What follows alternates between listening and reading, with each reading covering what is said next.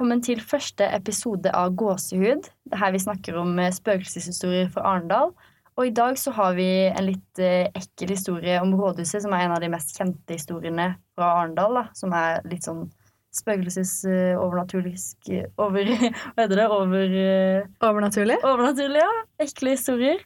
Eh, og jeg er her sammen med Silje og Emilin. Hallo. Hallo.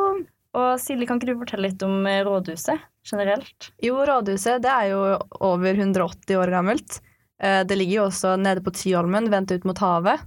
Ja, og det var jo to hus der fra før av som, eh, som da rådhuset ble bygd over, som var egentlig en dødsbo. Der noen har faktisk dødd der fra før av, så jeg syns det er jo det første jeg tenker om det her. At det er litt Ja, det er ekkelt. litt ekkelt. Ja. Eh, og det her huset da, det ble jo bygd av Morten Mikael Kallevig, som eh, bygde huset til han og hans familie, og spesielt da hans kone, som vi skal snakke litt mer om i denne podkasten, som heter Kitty Kallevig. Eh, og de flytta inn her da i 1815. De brukte fem år på å bygge det her svære huset. Så, og det er jo litt av et hus. Det er jo det første eh, arkitektbygde hus i Arendal, så det er jo Ganske fint på sin tid. veldig fint på sin tid. for Og de det var jo rike, de som bodde der, da. Ja, det, familien var jo ganske velstående og høytstående. Uh, Og det har jo skjedd flere mystiske og uforklarlige ting i dette huset. Og det er flere som tror at eh, det er Kitty Kalvik som går igjen, da. Uh, Og senere skal vi jo fortelle og komme inn på hvorfor vi tror dette.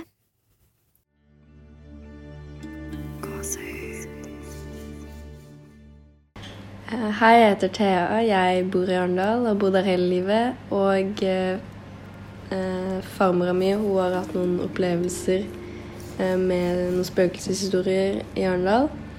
Eh, hun jobba som vaskehjelp på det gamle rådhuset i Arendal. Og eh, hun har fortalt meg om noen av sine opplevelser der.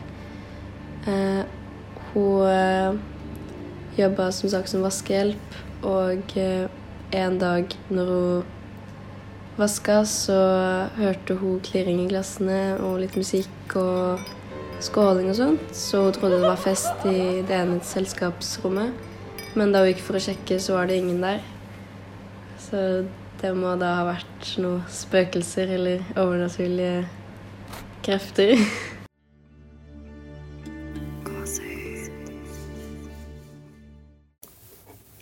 Ja, der hørte vi altså Thea sin bestemor, som hadde hatt en ganske ekkel opplevelse, da. Som ikke, er ikke Hun er ikke den eneste som har hatt denne opplevelsen, for det har jo skjedd veldig mange ting i det huset som tilsier at det er noe overnaturlig der, da. Ja, det har jo vært ganske mange. Til og med skeptikere har fått, eh, smak, fått en smakebit på det.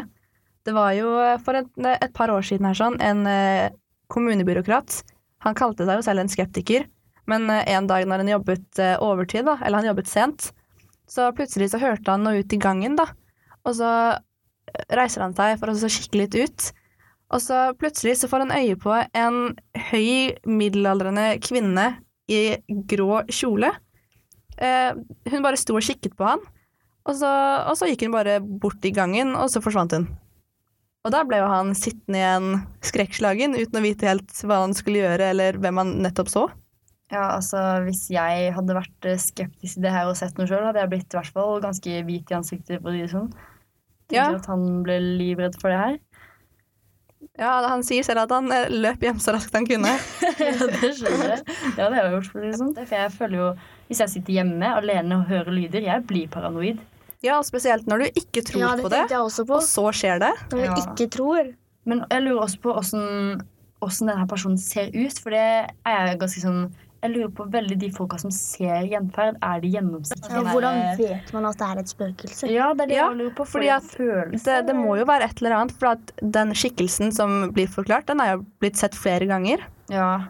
Ja, Og når flere ser den samme personen, da blir det jo litt sånn. Da, da, begynner, da må man jo på en måte tro at det er et eller annet. Når flere liksom har samme beskrivelse av en ting, da tenker jeg at jeg har jo på en måte vært litt sånn før at jeg ikke vet Eller jeg, jeg vil ikke liksom nekte for at det ikke er noe der, men når jeg hører sånne ting, da blir jeg jo veldig liksom sånn Jeg kan ikke ikke tro på det når det er så mange som har sett det.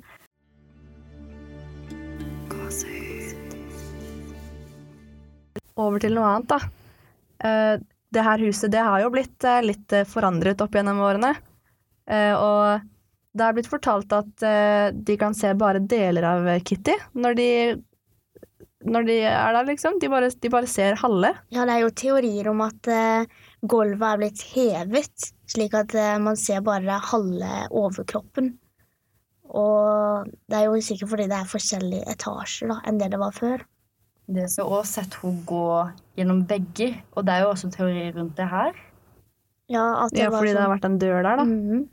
At hun egentlig går gjennom en dør som har vært der før, men når de da har pussa opp, så har de tatt vekk døra. Så det ser fortsatt ut som hun bare går ut i løse lufta.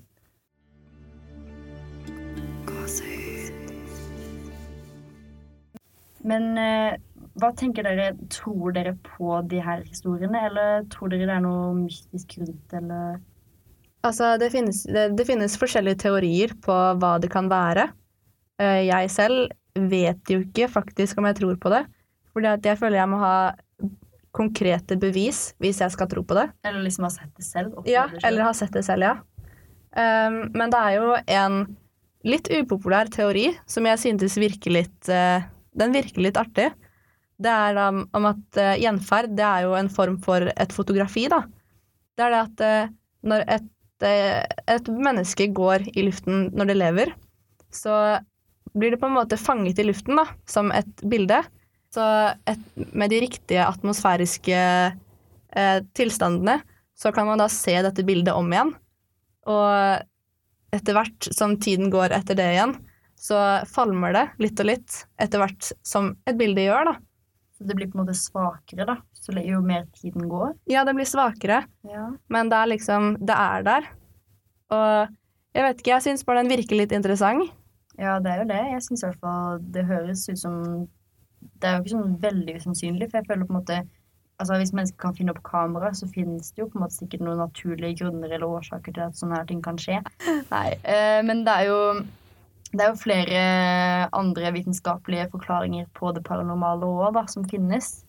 Og et av de jeg tenker da er mest sannsynlig, det er på en måte da underbevisste tanker som former da de her illusjonene, da. Jeg ville kalt jeg vet, ikke om, jeg vet ikke om det er sant eller ikke, men det er jo på en måte en teori til hva spøkelser eller gjenferd kan være, da. Og det er jo det at eh, det er underbevisst, og det kan være et sammenløp av skyldfølelse og fantasibilder og kanskje Jeg ville sagt nesten utmattelse, fordi at hvis man er sliten da, og kanskje tenker mye på en ting, at man kanskje hjernen klarer å framkalle det. Og jeg tenker det er jo ikke så veldig usannsynlig når man tenker på at vi drømmer. Og kanskje at man liksom tenker på noe så mye at det faktisk skjer, på en måte. At De som har vært på rådhuset, de vet jo at det er hørt historier om at det spøker der. Mm. Og det er jo ikke helt uvisst for dem hva de går til. Nei, det er det å tenke på. At kanskje At de kanskje ikke tenker på det der og da, men at underbevisstheten tar over, da, på en eller annen måte. Altså At det bare er i hodet. Ja. Ja, Noen mener jo at det faktisk er døde sjeler som ikke har funnet fred, da. Og at de kommer tilbake for at de har noe uoppgjort på jorden. Ja, altså, jeg vet ikke helt hvor mye jeg tror på det, men ingen vet jo hva som skjer etter at vi dør. Så det er jo fullt mulig.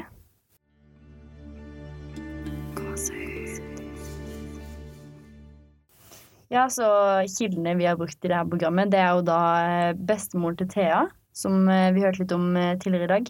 Vi har jo òg Elin Mumbrak, som jobbet i eh, rådhuset. Hun har jo også fortalt veldig mange av de her historiene som vi har funnet i en bok som vi fikk hjelp av Kuben til å finne fram litt kilder til oss. da. Og da fant de fram en bok som heter 'Mystiske steder i lokalmiljøet'. Så det er egentlig her, og vi har funnet litt på Wikipedia om eh, mannen da, til Kitty. Men eh, Og rådhuset generelt. ja, rådhuset generelt har vi jo funnet på Arendal kommune sine sider. Så det er egentlig der vi har funnet eh, mesteparten av informasjonen. Og så har vi jo hørt litt om det fra før av. Så vi har jo hatt litt sånn litt grunnkunnskap, i hvert fall. Så i neste episode så eh, kommer vi med en eh, annen ekkel eh, historie fra Arendal. Og denne gangen så er det fra Hisøy, som jeg og Evelyn syns er veldig ekkelt. Det er ekkelt. Det er jo derfor Det er fordi at vi er fra Hisøy, så vi syns at det det er litt ekkelt når sånne ting skjer så nærme Litt husene for våre. Litt Det er jo nærme En plass vi kjører forbi omtrent hver dag. Ja, men det får dere altså høre litt mer om i neste episode. Ehm, Så vi vil egentlig bare takke for, eh, takke for eh, følget. takk for følget. Ja. Så ses vi neste gang. Det gjør vi. ha det bra, alle sammen.